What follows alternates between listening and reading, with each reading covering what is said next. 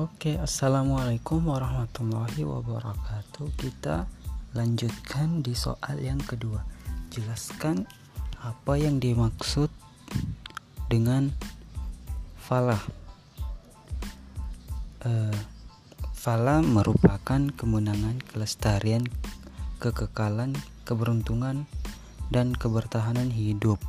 Jadi, maksudnya Al-fala bermakna kemakmuran, keberhasilan, atau pencapaian dari sesuatu yang diinginkan dan dicari setelah melakukan sebuah upaya secara terus-menerus dan keberlanjutan.